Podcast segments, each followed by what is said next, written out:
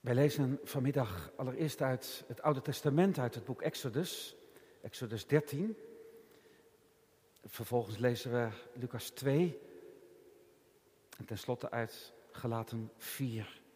Lezing uit het Oude Testament is uit Exodus 13. Evangelielezing is vanmiddag uit Lucas 2. De lezing uit de apostolische brieven is uit Galaten 4. We lezen van Exodus 13 de eerste 16 versen. Daar gaat het over het bevel om de eerstgeborenen van Israël te heiligen. Gedeelte wat op de achtergrond meespeelt, ook als we Lucas 2 vanmiddag lezen. En we lezen het woord van God daar als volgt. Toen sprak de Heer tot Mozes, heilig voor mij alle eerstgeborenen. Alles wat de baarmoeder opent onder de Israëlieten, van de mensen en van het vee, dat behoort mij toe. Daarna zei Mozes tegen het volk, gedenk op deze dag waarop u uit Egypte, uit het slavenhuis vertrokken bent. Want de Heer heeft u met een sterke hand van hier uitgeleid. Daarom mag wat gezuurd is niet gegeten worden. Vandaag vertrekt u in de maand Abib. En het zal gebeuren als de Heer u gebracht heeft in het land van de Canaanieten, de Hethieten, de Amorieten, de Hefieten en de Jebusieten, dat hij uw vaderen gezworen heeft u te geven, een land overvloeiend van melk en honing, dat u dan in deze maand dit dienstwerk zult verrichten. Zeven dagen moet u ongezuurde broden eten. En op de zevende dag zal er een feest zijn voor de Heer. Zeven dagen lang moeten er ongezuurde broden gegeten worden. Wat gezuurd is, mag bij u niet gezien worden. Ja, geen zuurdeeg mag er in heel uw gebied bij u gezien worden. En op die dag moet u uw zoon vertellen, dit gebeurt om wat de Heer voor mij gedaan heeft toen ik uit Egypte vertrok. En het moet voor u als een teken op uw hand zijn en als een herinnering tussen uw ogen, opdat de wet van de Heer op uw lippen is. Want de Heer heeft u met een sterke hand uit Egypte geleid. Daarom moet u deze verordening in acht nemen op de daarvoor vastgestelde tijd van jaar tot jaar. En het zal gebeuren als de Heer u in het land van de Canaanieten gebracht heeft, zoals Hij u en uw vaderen gezworen heeft, en Hij u het gegeven heeft, dat u alles wat de baarmoeder opent aan de Heere zult afstaan. Ook alles wat de baarmoeder opent van de dracht van het vee dat u toebehoort. De mannetjes zullen voor de Heere zijn. Maar alles wat de baarmoeder van een ezelin opent, dat moet u vrijkopen met een lam. En als u het niet vrijkoopt, dan moet u het de nek breken. Maar wat de mensen betreft, u moet alle eerstgeborenen onder uw zonen vrijkopen. En het zal gebeuren, als uw zoon u morgen vraagt, wat is dit? Dat u tegen hem zult zeggen, de Heere heeft ons met een sterke hand uit Egypte geleid, uit het slavenhuis. Want toen de farao zich verhardde en weigerde ons te laten gaan, gebeurde het dat de Heere al de eerstgeborenen in het land Egypte doden. Van de eerstgeborenen van de mens tot het eerstgeborene van het vee toe.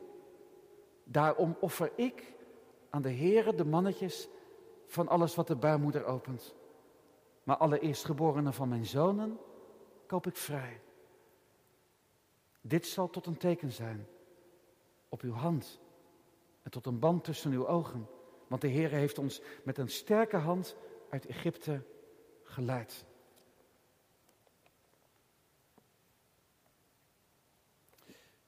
De tweede schriftlezing is uit Lucas 2, de versen 21 tot en met 24.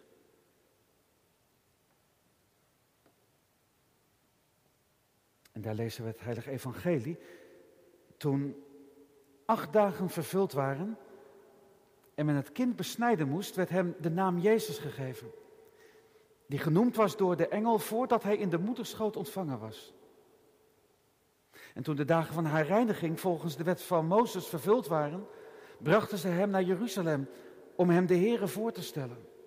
Zoals geschreven staat in de wet van de Here, al wat mannelijk is, al wat de moederschoot opent, dat zal heilig voor de Here genoemd worden. En om een offer te brengen, volgens wat gezegd is in de wet van de Heer, een paar tortelduiven of twee jonge duiven.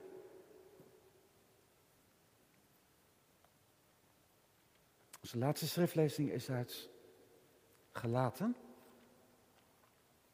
Gelaten 4.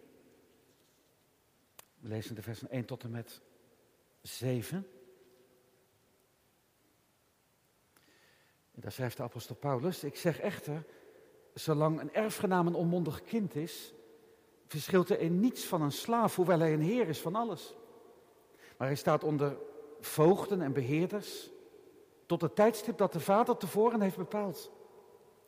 Zo waren ook wij toen wij nog onmondige kinderen waren, als slaven onderworpen aan de grondbeginselen van de wereld. Maar toen de volheid van de tijd gekomen was, zond God zijn zoon uit. Geboren uit een vrouw. Geboren onder de wet. Om hen die onder de wet waren vrij te kopen. Opdat wij de aanneming tot kinderen ontvangen zouden. Nu, omdat u kinderen bent, heeft God de geest van zijn zoon uitgezonden in uw harten. Die roept Abba Vader. Dus nu bent u geen slaaf meer, maar een zoon. En als u een zoon bent, bent u ook een erfgenaam van God door Christus. Hier eindigt gemeente de lezing van de Heilige Schrift. Zalig allen die het woord van God horen, die het ook in hun harten bewaren en die er ook uit leven. Halleluja. Tekst voor de verkondiging is vanmiddag uit Lucas 2, de versen 22 tot 24. En toen de dagen van haar reiniging volgens de wet van Mozes vervuld waren, brachten zij hem, Jezus, naar Jeruzalem om hem de Here voor te stellen. Zoals geschreven staat in de wet van de Here, al wat mannelijk is, dat de moederschoot opent, dat zal heilig voor de Here genoemd worden. En om een offer te brengen, volgens wat gezegd is in de wet van de Here, een paar tortelduiven of twee jonge duiven. Geweten van God hier in Gouda. Het is op het eerste gehoor een mooi stukje familiegeschiedenis. Je zou bijna zeggen een idyllisch gedeelte zo na al die woorden die we hebben gehoord de afgelopen weken. Over de besnijdenis van Jezus. Daar gaat het eerst over. En dan, dan lezen we over de eerste reis die, die Jezus met Maria en Jozef gaat maken. Van Bethlehem naar Jeruzalem omdat er, omdat er dingen moeten gebeuren. Ja, zoals dat bij alle kinderen. Als uh, er een eerstgeboren jongetje was geboren, dan, dan moest de moeder gereinigd worden. En, en dan moest dat kind aan, aan God worden voorgesteld. Dat zijn de twee dingen waar we vanmiddag over lezen. Dat kind, dat moet aan God worden voorgesteld. Daar zit natuurlijk dat hele oude ritueel van Exodus 13 achter. Zoals geschreven staat in de wet van Mozes, zegt Lucas. Al wat mannelijk is, wat de baarmoeder opent, dat zal heilig genoemd worden voor de Heer. Wat de moederschoot opent, wat mannelijk is, eerstgeboren zonen dus. Daar gaat het hier over. Exodus 13, dat, dat is die, die context van die uittocht uit Egypte, die laatste plaag, oudste zonen van Egypte die gedood worden. En dan zegt de Heere God tegen het volk Israël, bij monden van Mozes, heilig voor mij, zet voor mij apart al die eerstgeboren zonen. En trouwens niet alleen de eerstgeboren zonen, maar ook de eerstgeborenen van het vee. Alles wat eerstgeboren is en wat een mannetje is, dat behoort toe aan mij. Dat is mijn eigendom.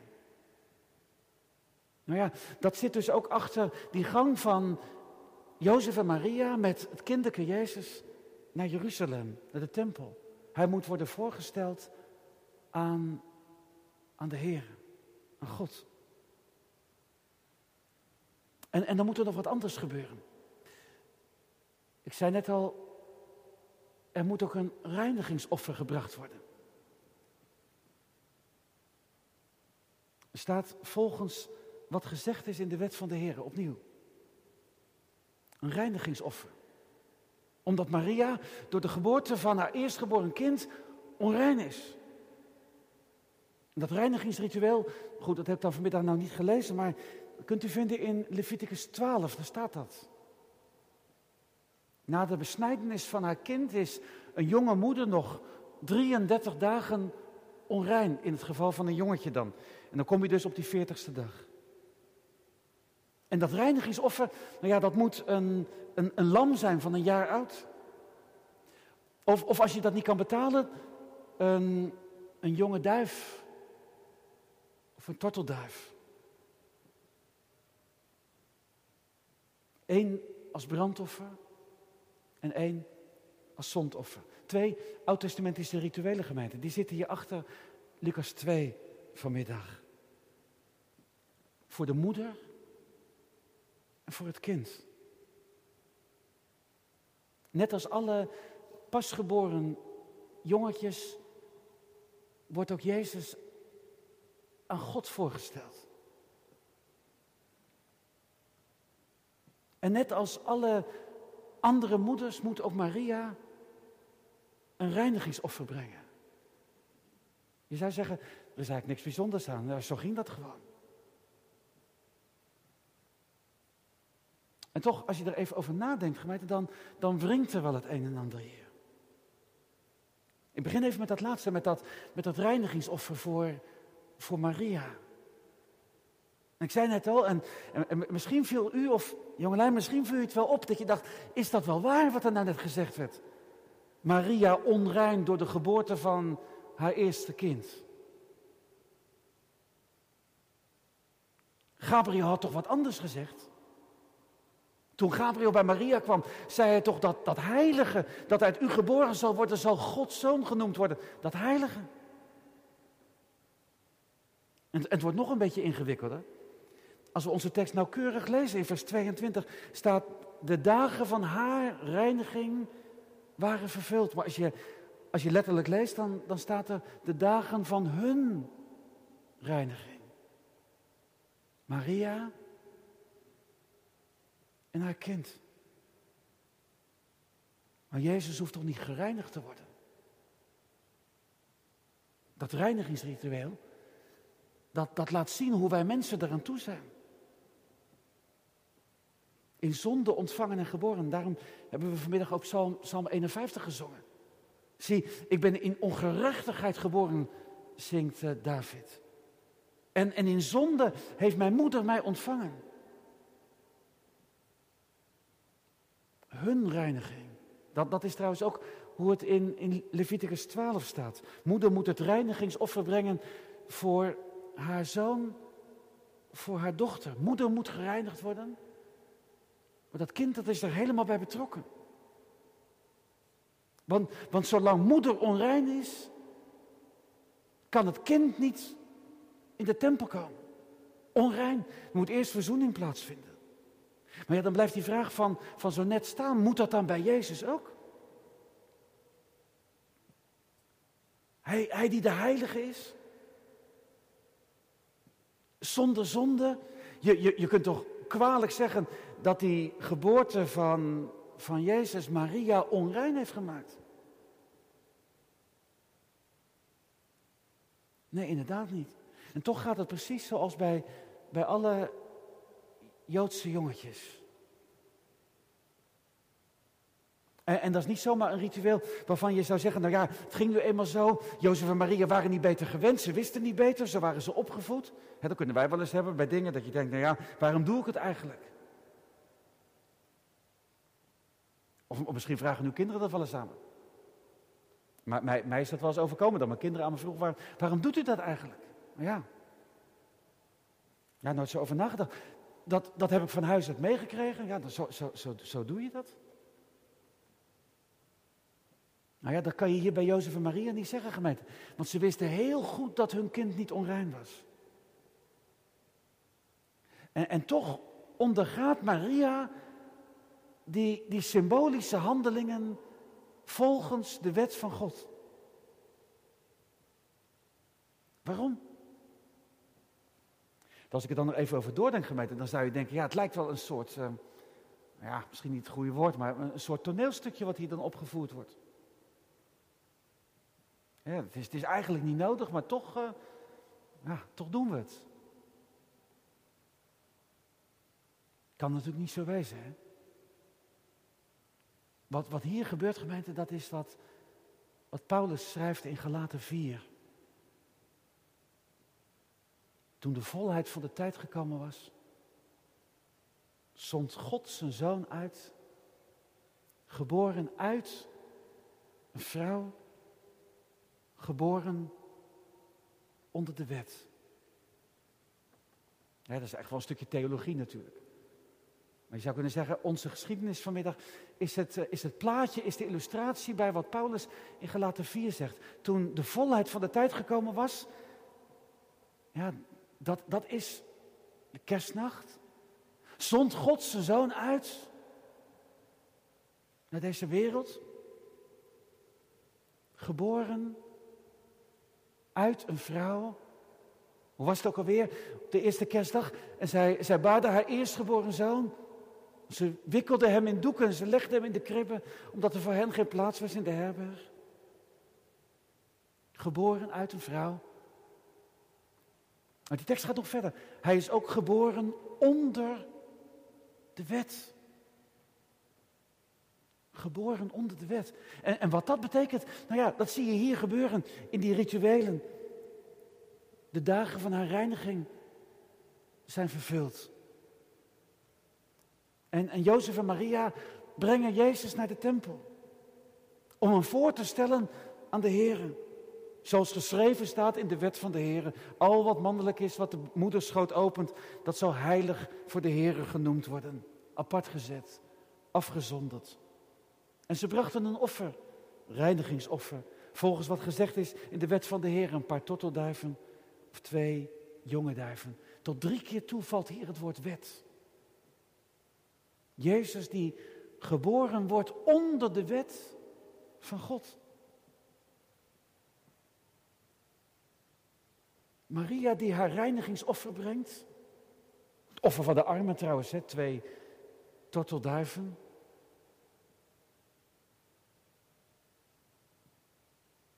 Zodat de weg vrij wordt om Jezus aan de Vader voor te stellen. En dan zie je hem komen, daar komen ze aan. Voor, voor het oog twee, twee jonge ouders met een klein pasgeboren babytje. Maar, maar hier komt Maria met haar kind, wat Gods kind, Gods zoon is. pasgeboren jongetjes. De eerste. Ze zijn heilig, zegt God. Ze zijn apart gezet. Ze zijn bestemd voor mij. Ja, dat kun je bij die eerstgeboren jongetjes van Israël wel voorstellen. Maar, maar als er nou één niet vrijgekocht hoeft te worden, dan is Jezus het toch gemeend. Maar ook hier weer, geworden, geboren onder de wet. Ziet u wel dat de Zoon van God gemeente, als hij naar deze wereld komt, niet boven de wet staat en niet denkt van, dat is voor mij niet nodig. Nee, nee hij gaat heel die weg, die weg die God heeft bevolen.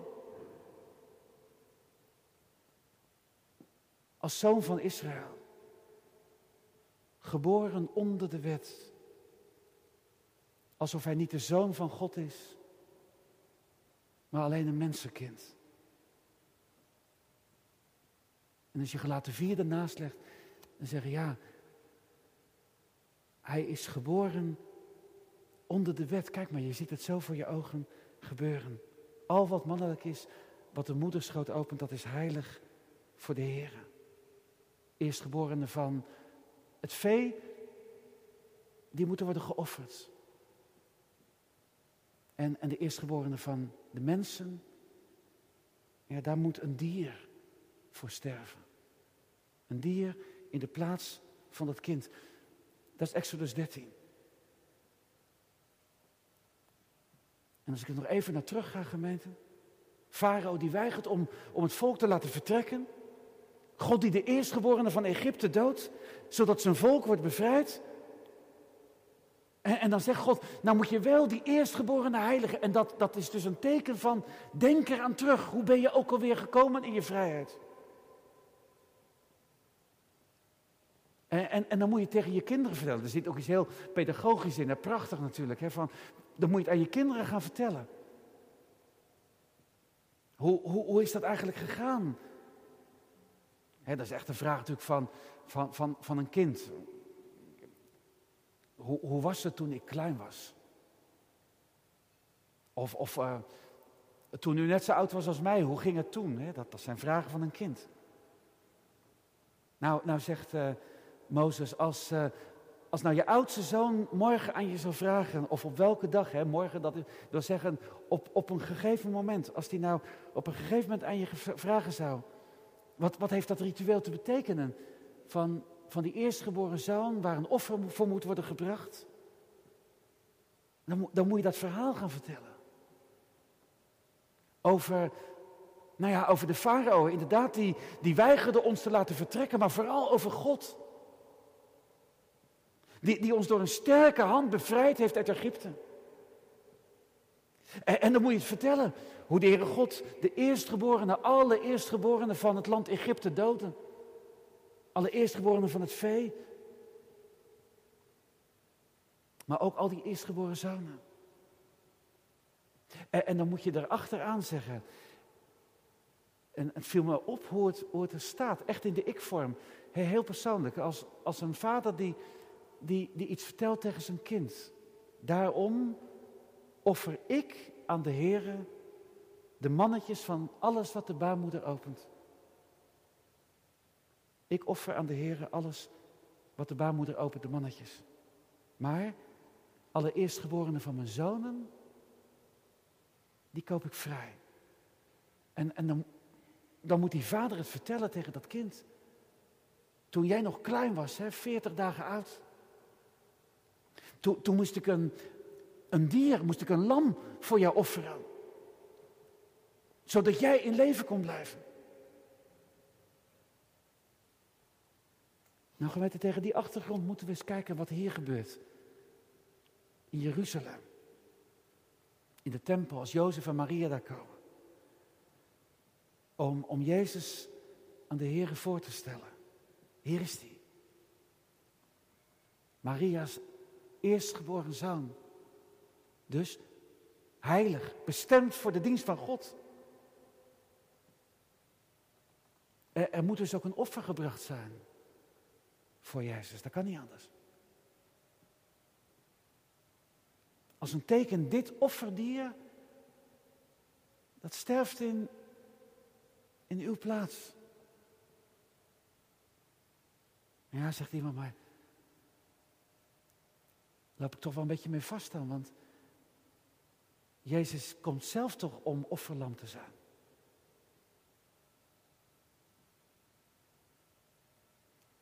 Hij, hij hoeft niet te worden vrijgekocht, want hij heeft geen zonde gedaan. En, en hij is de, de enige geboren zoon van de Vader. En, en toch, toch moet hij worden vrijgekocht. Er sterft een dier in zijn plaats. Jezus mag blijven leven, nog wel tenminste, nog wel. Het lijkt hier gemeente precies te gaan zoals bij die andere, al die andere eerstgeboren zonen. Maar, maar dat is alleen maar voor dit moment. Jezus blijft nog in leven. Maar dan moet je nog eens verder lezen in Galaten 4. Toen de volheid van de tijd gekomen was, stond God zijn zoon uitgeboren uit een vrouw, geboren onder de wet, om hen die onder de wet waren vrij te kopen. Opdat wij de aanneming tot kinderen zouden verkrijgen. Hiermee valt bijzonder licht, gemeente, over, over die geschiedenis van, van Lucas 2. Want het lijkt alsof Jezus het allemaal ondergaat. Net, net zoals eh, nou ja, bij ons bij een doopdienst. Hè, die kleine kinderen die kijken je aan, begrijpen er allemaal niks van. Ze ondergaan het. Maar het is bij Jezus anders. Want wat hier gebeurt, dat, dat, dat Maria en, en Jozef Jezus aan de Heer moeten voorstellen en een, een lam moeten offeren in zijn plaats. Dat hoort bij de weg die hij moet gaan. Bij zijn lijdensweg. Hij is geworden onder de wet, opdat hij hen die onder de wet waren vrij zou kopen, opdat wij de aanneming tot kinderen zouden ontvangen. Wij. Hé, hey, het gaat ineens ook over ons. Dat, dat duurde vanmiddag eigenlijk wel even. Ik weet, ik weet niet hoe u dat beleefde tot nu toe. Dat je zegt, nou ja, je kan er ook wel een beetje van in de toeschouwershouding raken natuurlijk. Ja, nou goed, hoe, hoe ging dat? Jezus en uh, Jozef, Maria. En, en dat woordje familiegeschiedenis en zo. Dan krijg je al een beetje een soort idyllisch beeld. Het is niet de bedoeling dat je in de toeschouwershouding blijft.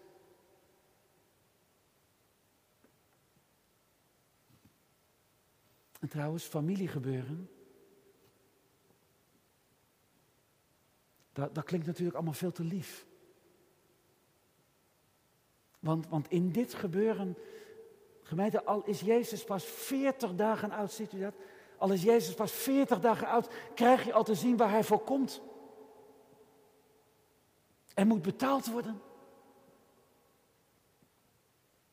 En hij die de eerstgeboren zoon is, ja, hij wordt nu nog gelost. Er, er sterft nu nog een dier in zijn plaats. Maar dat is maar tijdelijk. Want, want straks zal blijken dat hij het lam van God is dat de zonden van de wereld draagt. Straks hangt hij als een vervloekte aan het kruis. Dat moet je hier natuurlijk al horen. Straks hangt hij als een vervloekte aan het kruis. Want als ik Exodus 13 lees, en dat, dat klinkt op deze achtergrond mee, dan zeg ik ja, dan gaat het over Goede Vrijdag en over Pasen. Het gaat over de lossing van die eerstgeboren zoon. En dat heeft alles te maken met Pascha. Nu al Goede Vrijdag, nu al Pasen. Dat is een beetje snel, hè? Ze hebben de kerstdagen net achter de rug. Ja. Net na kerst komen we gemeente via Exodus 13 al terecht in de paasgeschiedenis. Want zo lief en zo vredig is het niet wat hier gebeurt. Jezus wordt geboren om te sterven. Grote verschil met ons. Wij worden geboren om te leven en wij moeten een keer sterven. Maar Jezus wordt geboren om te sterven. Jezus komt hier voor ons, ja. Dat is het. Geboren uit een vrouw, geboren onder de wet, opdat hij degene die onder de wet waren, dat zijn wij, op dat wij degene die onder de aanklacht van de wet van God liggen, vrij zou kopen. Straks is er geen lam meer wat hem vrijkoopt. Maar dan moet hij zelf betalen. Ik vraag u vanmiddag en jou en vraag voor ons allemaal zoals we hier vanmiddag zijn of voor je thuis bent. Of je Jezus gelooft waarvoor hij kwam. Kijk, zonder geloof dan sla je de bladzijde om hè, en dan zeg je, nou ja, nieuw jaar. Bij ons stond uh, gisteren in de kamer de boer weer op zijn kop, alles wordt schoon en zo. En misschien bij u ook wel. Die zegt, nou ja, alle, alle kerstspullen er weer uit en alles weer schoon. Want ja, maandag dan gaat het allemaal weer beginnen. Ja. Misschien heb je ook al stilletjes naar je agenda gekeken. Denk, nou, wat komt, er allemaal aan? En hoe zal dat gaan? En hoe moet dat? Kinderen thuis en, en thuiswerken. We slaan de bladzijde om. heb je wat meegenomen uit die afgelopen weken? Heb je Jezus overgehouden? Jezus als je redder. Als je verlosser. Als je heiland. Kijk nog één keer gemeente vanmiddag. Hij ondergaat het allemaal. Dat hele ritueel als eerstgeboren zoon. Omdat hij onderweg is naar Golgotha.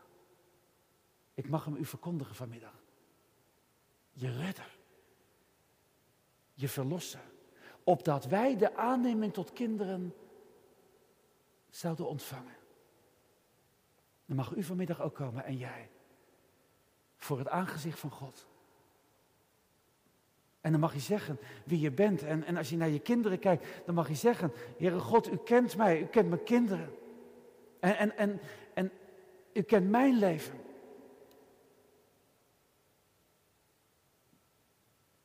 En u kent me door en door. Hier ben ik.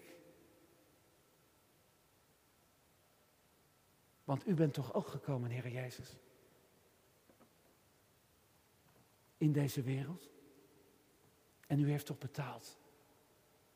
Opdat wij de aanneming tot kinderen ontvangen zouden. Dan kun je toch geen toeschouwer blijven. Wie zegt er vanmiddag, lieve, lieve Heer Jezus. Mijn heiland en mijn redder. Dat bent u.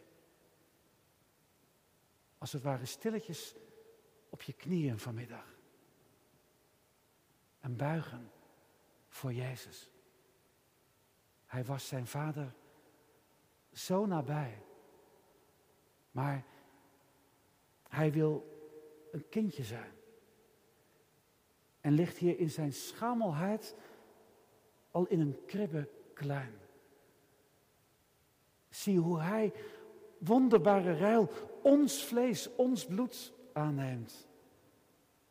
Opdat wij in het vaderhuis met God weer zijn vereend.